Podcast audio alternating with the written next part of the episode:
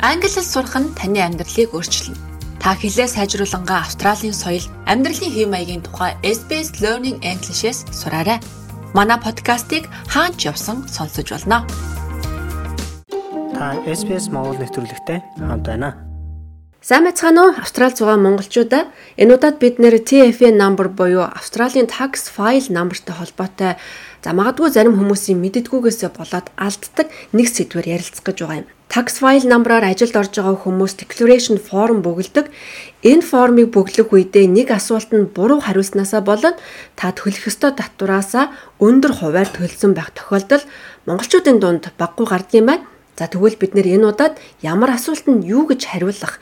За хэрвээ та буруу хариулсан бол юу алдаж байгаа?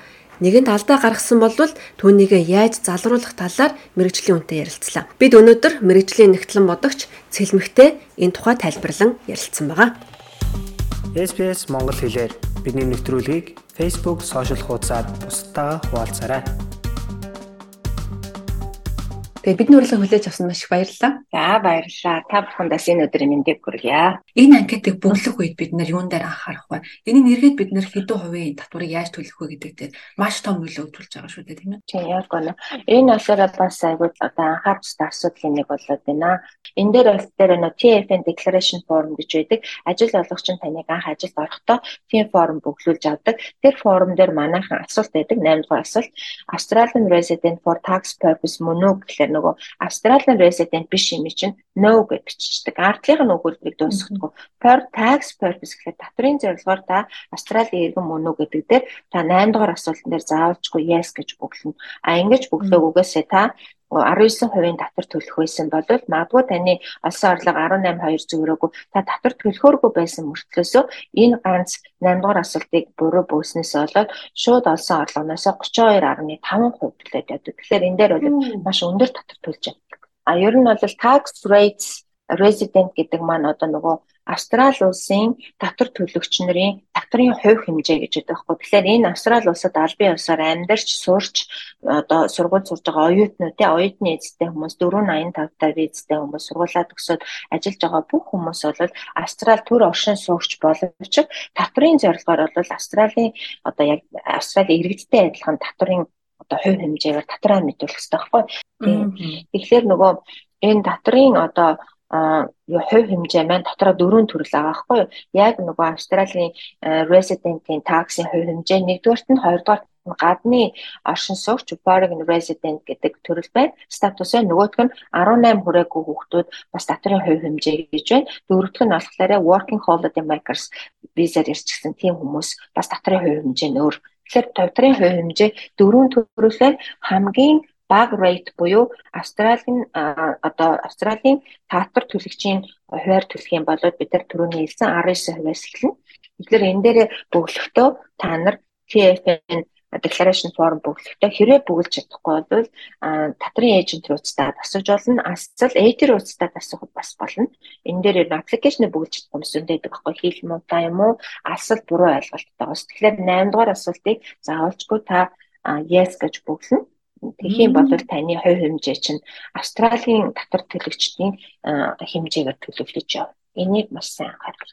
Аа яг энийг уншаад магадгүй за би Австралийн иргэн биш одоо виза холдерс юм чинь биш гэд шууд нөө гэж автоматар ингэж ойлгох гэдэг шүү дээ тий. Тийм тийм тийм тэгэн гуйдлаа нөгөө би Австралийн PR аваагүй юм чинь гэл нөгөө тэгээд би бишээ гэж бөлчдөг. Тэгээ биш гэхээр чинь foreign тэгээ гадны татвар төлөгчдийн рейтер явчлаар чинь шууд 0 орлогоос 120 мянга хүртэл шууд 32.5% автоматар авчдаг.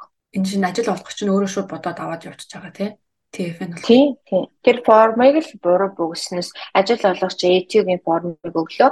Хүн тухайн хүн формо бөглөөд ирлээ. Тэрийг AT руу явууллаа. TF-ын дугаартай тухайн хүний тэгтэл нөө цаанаас AT-ийн програм чинь аа энэ нөгөө гадны гаднаас ирсэн татвар төлөгч юм байна. Тэдгээрээ 32.5-аараа суудгаад тавьчих байхгүй. Тэгэхээр энэ суудгасан тохиолдолд манайхан өнгөрүүлэх биш тухайн компанийнхаа нэгтлэн санхүүгийн ажилтнтай яриад учирлаад одоо бол 6 сарын 30-наар ингээд хаагдчихлаа л да. Тэрээ санхүүгийн жил дуусаагүй тохиолдолд бол ингээд би энийг буруу ойлгоод буруу бөгөлчжээ. Тийм учраас та надад энийг ингээд апдейт хийгээд өгөөч, засаад өгөөч гэхэд тухайн урд нь өндөр төлсөн нөгөө 32.5-аар төлсөн татварыг бас засаж өгдөг. Энэ боломжтой. Тэгээд би нөгөө миний хэлдэг Австралийн татрын офис бол ерөөсө бүх юм дээр уян хатан ханддаг. Яагаад гэвэл энэ хүн ялцчгүй статус нь ийм Австралийн татвар төлөгчийн статусаар төлөх ёстой байтал өөрийнхөө нөгөө declaration form буруу бүснээс олж ийм алдаа хийсэн байна гэдгийг нотлоод эргүүлээд засагдах боломжтой. Одоо энэ жилийн тухайд дээр нөгөө бүх газрууд татрын тайлангаа гаргаад ингээд чиглээд ер нь бол яг зарим газрууд бол 7 цагийн 15 хүртэл те тэгээд тэрнээс өмнө хэрвээ буруу бүгэлсэн хүмүүс бол бас нэг эргээд энэ форм харчих хэрэгтэй. Би одоо жишээлбэл TFN-ээр ажилладаг л та. Гэхдээ би яг үнэндээ яаж бөгснөө ч одоо санахгүй байна. Эргээд харах боломж байгаа юм. Бага одоо та юу яа? Ажил олгогч дээр очиод санхүүгийн хэлц дээр очиод нэгтгэн дээр очиод цалингийнхаа payroll гэдэг хүн дээр очиод асуугаад би ингээд өөрийнхөө нэг declaration form харж болох уу би миний татвар жоохон өндөр санагдаад байна гэхэд нөгөө бүх юм нөгөө HR дээр ч юм уу те HR дээр нь өөр дээр ч ингээд хадгалагдсан байдаг аахгүй тэгэл очиод tax form авъя гэхэд бол бүх байгууллагад үзүүлэх ёстой.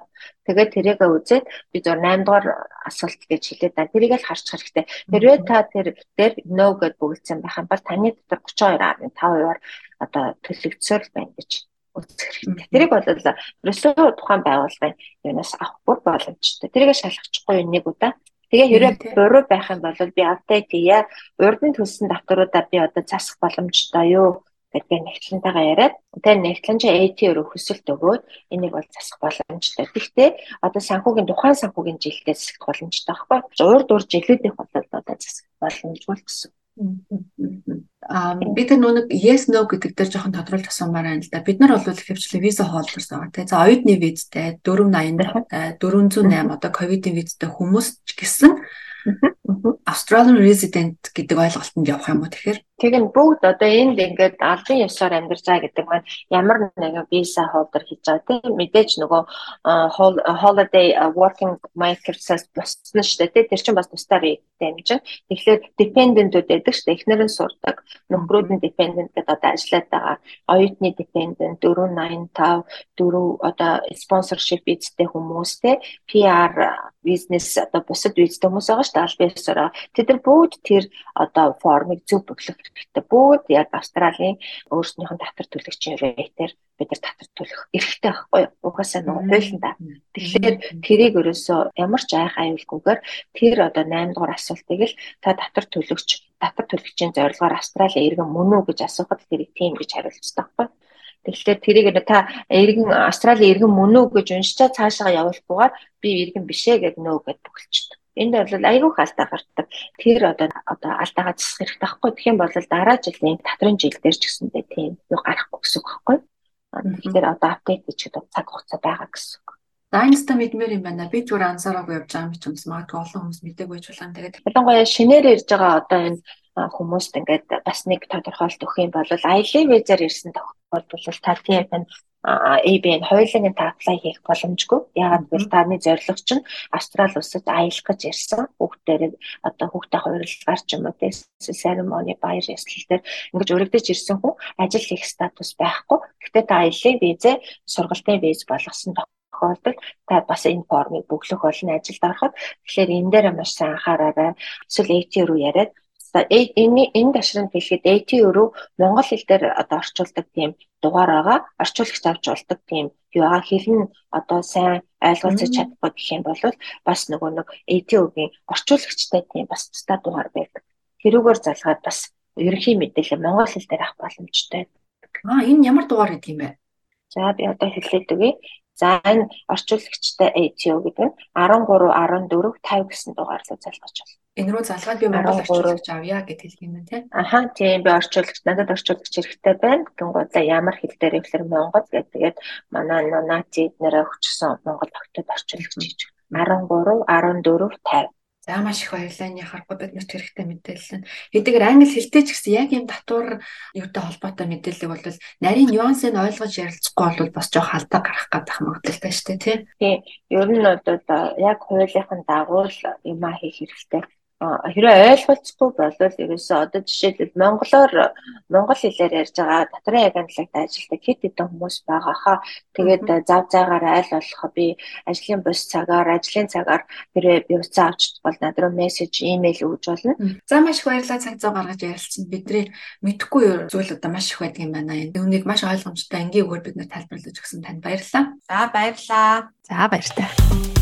SPS Монгол хэлээр бидний нэвтрүүлгийг Facebook сошиал хуудасаар бусдаа хуваалцаарай.